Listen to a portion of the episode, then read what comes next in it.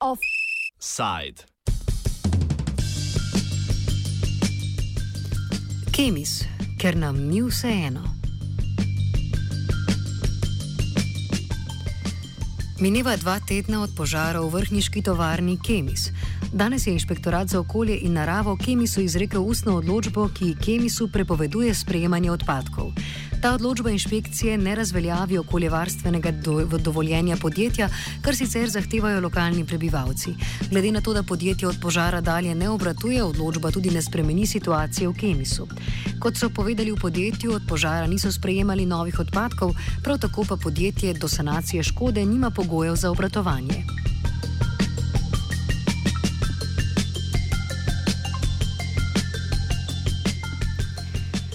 Veliko zmedov v nesreči je povzročilo dejstvo, da Kemis nima podatkov o snoveh, ki so jih imeli v skladišču, saj so bile datoteke uničene v požaru. Danes je znanega že več o posledicah nesreče, s čimer se bo jutri na izredni seji seznanil tudi občinski svet občine Vrhnika. Številni lokalni prebivalci so bili nezadovoljni z odzivnostjo državnih agencij, ki v okolici pogorišča izvajajo analize tal, zraka in vode. Zakaj analiz tal ni bilo mogoče objaviti prej, pojasnjuje soavtor poročila Marko Zupan iz Biotehnične fakultete v Ljubljani. Analize tal trajajo kar nekaj časa. Ne. Ni bilo nič povedano, kaj točno je gorelo, zato so se laboratoriji lotili skeniranja veliko stvari. To pomeni, da paralelno teče več postopkov, za določene postopke se morajo vzorci sušiti, ne smejo se sušiti pre močni te temperaturi in to včasih traja 24 ur, že samo sušenje, pa potem priprava, ekstrakcije. Tako da je, kar se tal tiče, za toliko parametrov je nemogoče dati rezultat v dveh dneh. Ne. Običajno te analize trajajo za kontrolo rodovitnosti, ki jo mi delamo za kmete in za kogarkoli, k nam vzorce pošle, traja zadeva deset delovnih dni.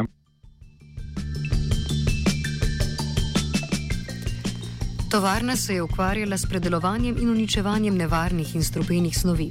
Kot so pokazale analize, je največje onesnaževanje nastalo v bližnjem potoku Tojnica. Van se je izlila večja količina onesnažene vode, s katero so gasilci gasili požar in je zadrževalniki v tovarni niso ujeli. Rezultate analize potoka Tojnica predstavi Janja Turšič iz Agencije Republike Slovenije za okolje. Uh, Agencija Republike Slovenije za okolje je um, začela z delom na terenu takoj v torek, uh, se pravi, uh, požar je bil prejšnji dan, uh, v ponedeljek zvečer. Uh, začeli smo z meritvami uh, zrak, zraka z mobilno postajo, potem smo organizirali, da je bilo izvedeno vzorčanje uh, reke Tojnice in Ljubljanice uh, in v torek in sredo smo izvedli že tudi vzorčanje tal. Kar se tiče um, um, onesnaženosti zraka so, smo spremljali koncentracije delcev PM10, uh, ki so uh, po požaru pričakovane padle in so se tekom naslednjega dne spet povišale zaradi um, dogodkov, ki pač potekajo v bližini oziroma so potekali v bližini pogorišča.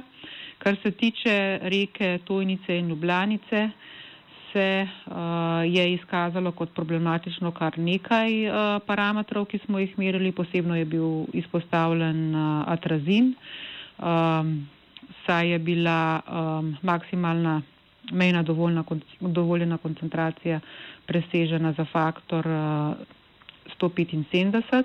Preseženi pa so bile maksimalne dovoljene uh, koncentracije tudi za nekatere druge snovi, naprimer za policiklične aromatske oglikovodike, za kobalt, nikel. Um, ponovno vzorčanje um, v ponedeljek prejšnji teden je pokazalo, da se je stanje že izboljšalo. Uh, v uh, Ljubljanici um, koncentracija, maksimalna dovoljena koncentracija trazina ni bila več presežena. V tojnici je bila ta vrednost, je padla, ampak je bila še, um, še vedno presežena. O posledicah, ki jih ima tako onesnaževanje za vodni sistem, razlaga Mihajl Toman, profesor na Biotehnični fakulteti v Ljubljani. Torej, uh, zelo različne stvari so preko tega potoka šle v Ljubljanico. In uh, danes analizirati stanje v vodi kot tekočini, seveda, precej brezpredmetno, kajti te snovi so odtekle, so že v Ljubljanici in že tudi naprej v Savi. Sej pa en dobršen del teh snovi, nevarnih predvsem, ne, uh, v obliki delcev, pa težke kovine in podobno, usedel v sedimente, torej v usedline. In to je pomemben del vsakega vodnega okolja, so namreč usedline. In tam pa ostajajo in to dolgo časa. V tem primeru je šlo za same, eh, če rečemo temu, dolgožive snovi, kar pomeni, da bodo v tem okolju seveda tudi zelo dolgo časa. Lokalne prebivalce najbolj skrbi prehajanje strupenih snovi v podtalnico. O tem nadaljuje Toman. Osnovno pravilo pa je, da vse, kar je v površinski vodi, slejko prej preide tudi v podtalno vodo. Vse gre za neposredno in stalno povezavo, vertikalno, če smem tako reči, med površinsko vodo in podtalnico. Zdaj, koliko teh snovi in katere pridejo v potalnico, v kakšnih koncentracijah, je odvisno pogosto od vodonosnikov, od sedimentacije v vodnih telesih, od tega, kako hitro te vode tečejo, koliko časa se zadržujejo. Torej, infiltracija, če smem tako imenovati, vnos snovi v potalnice. Eh, se močno razlikujejo v počasnih potokih in rekah ali pa v hudourniških in hitro tekočih.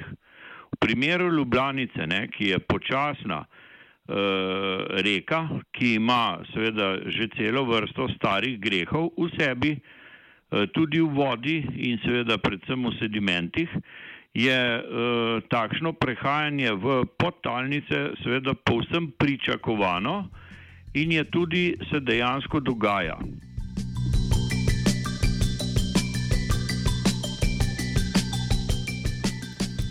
Med snovmi, ki so se zaradi onesnaženja v kemisu znašle v okolju, so med najbolj problematičnimi pesticidi in herbicidi. Tudi takšni, ki so pri nas že dlje časa prepovedani.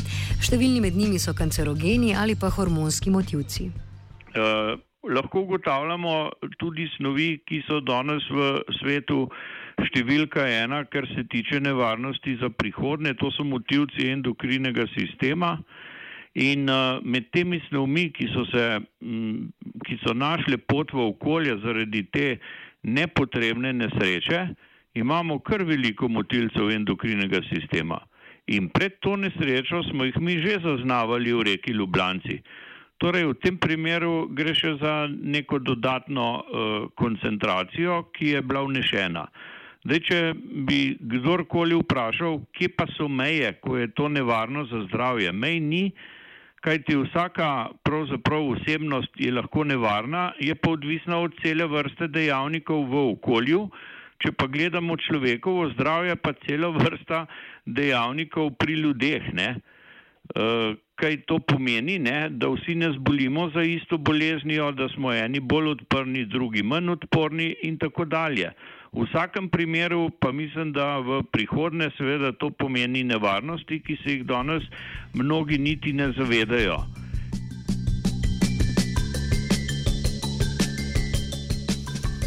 Analiza potoka Tojnica so pokazale, da je iz kemisa všla večja količina herbicida atrazin, za katerega so študije pokazale, da povzroča motnje v hormonskem sistemu. Njegova uporaba je v Evropski uniji od leta 2003 prepovedana, še vedno pa je dovoljena drugot, naprimer v ZDA. Izvor atrazina ni pojasnjen, najverjetneje pa gre za staro zalogo, ki je bila pripeljana v kemis na uničenje, saj ga v zemlji na okoliških nivah niso našli. Manj kritično je bilo onesnaženje tal. Ta so onesnažena predvsem zaradi dolgoletnega intenzivnega kmetijstva. O rezultatih analize tal v okolici Kemisa govori Marko Zupan. Rezultati so dejansko pokazali, da nekega večjega doprinosa zaradi požara na teh lokacijah ni bilo, pa čeprav smo šli od praktično samega območja nekaj 100 metrov od požarišča pa do zaplane, da dejansko ni bilo nekih večjih razlik. Recimo policiklične aromatske oglikovodiki, ki so tudi eden od pokazateljev tega, kar koli gorine, um, ni bilo tako, bi rekel, da je odstopalo zgoraj spodaj. Tako da kljub samo nekih večjih, uh, bi rekel, koncentracijskih razlik ni bilo. Ko so merili zrak v samem požaru, pa prašne delce, no, prašne delce, mislim, niso analizirali samo zrak, je bil v zraku takrat se izproščal tudi, tudi živo srebro, no tudi tega očitno je bil v žarišču požara prisoten v veliki koncentraciji, ampak je to zrak tako razrečil, da potem na posameznih mestih, kjer smo mi vzorčali povečanja kovin, ni prišlo. Uh, smo pa odkrili nekaj, bi rekel, stvari, ki so pač posledica kakšnih drugih dejavnosti, ne kemisa, ne, na kmetijskih površinah še ostanke DDT-ja, ker to tudi druge po Sloveniji še najdemo, um, ker je to tak uh, insekticid, da je zelo dolgo živ, tudi ko se ga načeč ne uporablja, se v tleh zadržuje.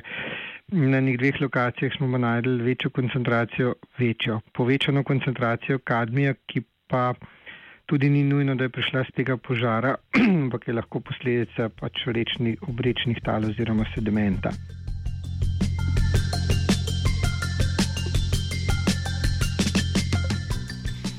Pri požaru se je v ozračje sprostilo tudi živo srebro iz odpadnih varčnih sijalk, ki so bile v skladišču. Hlape živega srebra so ugotovile meritve zraka takoj po požaru, na vzorcih tal pa so bile vrednosti živega srebra primerljive z normalnimi vrednostmi. Še vedno pa je pomagljiv odgovor glede dioksina, ki se tvori pri gorenju plastike. Nadaljuje Zupan. Težko je špekulirati, če ne veš, kaj vse je bilo noter, ampak dioksini so vsekakor precej nevarne spojine. In uh, zato je bil ta previdnost, smo mi tudi povzemali ta previdnostni ukrep Nacionalnega inštituta za javno zdravje.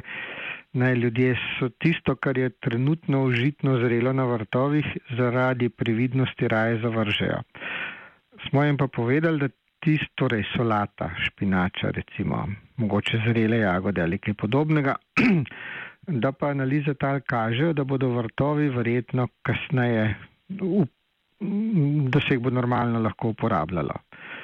Da pa zaenkrat naj recimo to solato raje zavržejo, če pa že, jo morajo pa zelo dobro oprati, pa mogoče teh mal več teh zunanjih listov ne uporabiti samo tiste notranje. Ampak to smo bolj predlagali tistim, ki mogoče niso tako blizu samega izvora požara. Nesreča v Kemisu je pokazala na številne pomankljivosti inšpekcijskega nadzora in pripravljenosti državnih agencij za odzivanje na takšno nesrečo, govori profesor Mihajl Toman. Torej, bolj bi nas morali strezen to, kako ob takih nesrečah postopamo. Ne? In glede tega smo strašno nepripravljeni uh, bili tudi v tem primeru. In drugo, kar nas mora čim bolj in čim prej strezati, kako inštitucije državnega pomena delujejo in kako med seboj sodelujejo. In to sodelovanje, po mojih lasnih izkušnjah, je nikakršne, kar pomeni, eh, da soba A deluje po enem principu, soba B povsem po drugem in da se ti ljudje iz sobe A v sobo B sploh ne pogovarjajo, kaj kdo počne.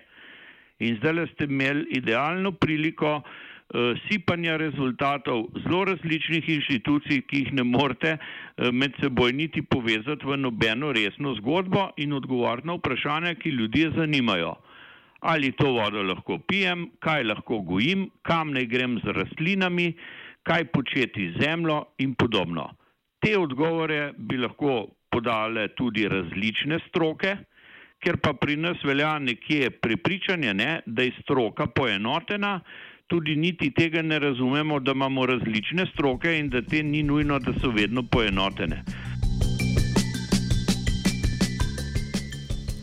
Nekateri lokalni prebivalci sedaj zahtevajo, da bi analize ponovno upravile institucije iz tujine. Tomanu se to zdi nesmiselno. Ja, jaz mislim, da bi posebej morali tudi spostaviti to, ne, da zdaj klicati na pomoč neke uh, tuje službe uh, za namene monitoringa, analiz, je pa uh, še večja neumnost, ne?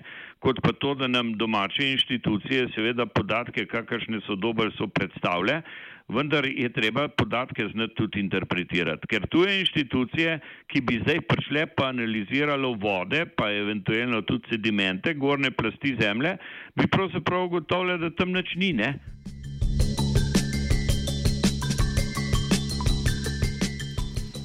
Nesreča v Kemisu je očitno ena najhujših okoljskih nesreč v zgodovini Slovenije.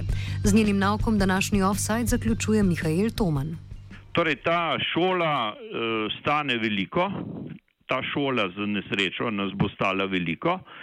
Zdaj, ali se bomo iz nje kaj naučili, pa jaz kljub vsemu rahlo dvomam, ker uh, v bistvu že danes ugotavljam, da inštitucije niti niso uh, organizirale neke uh, krizne skupine, ki bi bedela nad okoljem, zdravjem ljudi, eh, vodnim okoljem, kopnim okoljem, kmetijskim sektorjem, zdravstvenim sektorjem in tako naprej.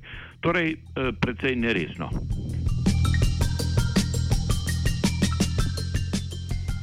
Offside o posledicah in odzivu na požar v vrhniški predelovalnici nevarnih snovi Kemis je pripravil Gal.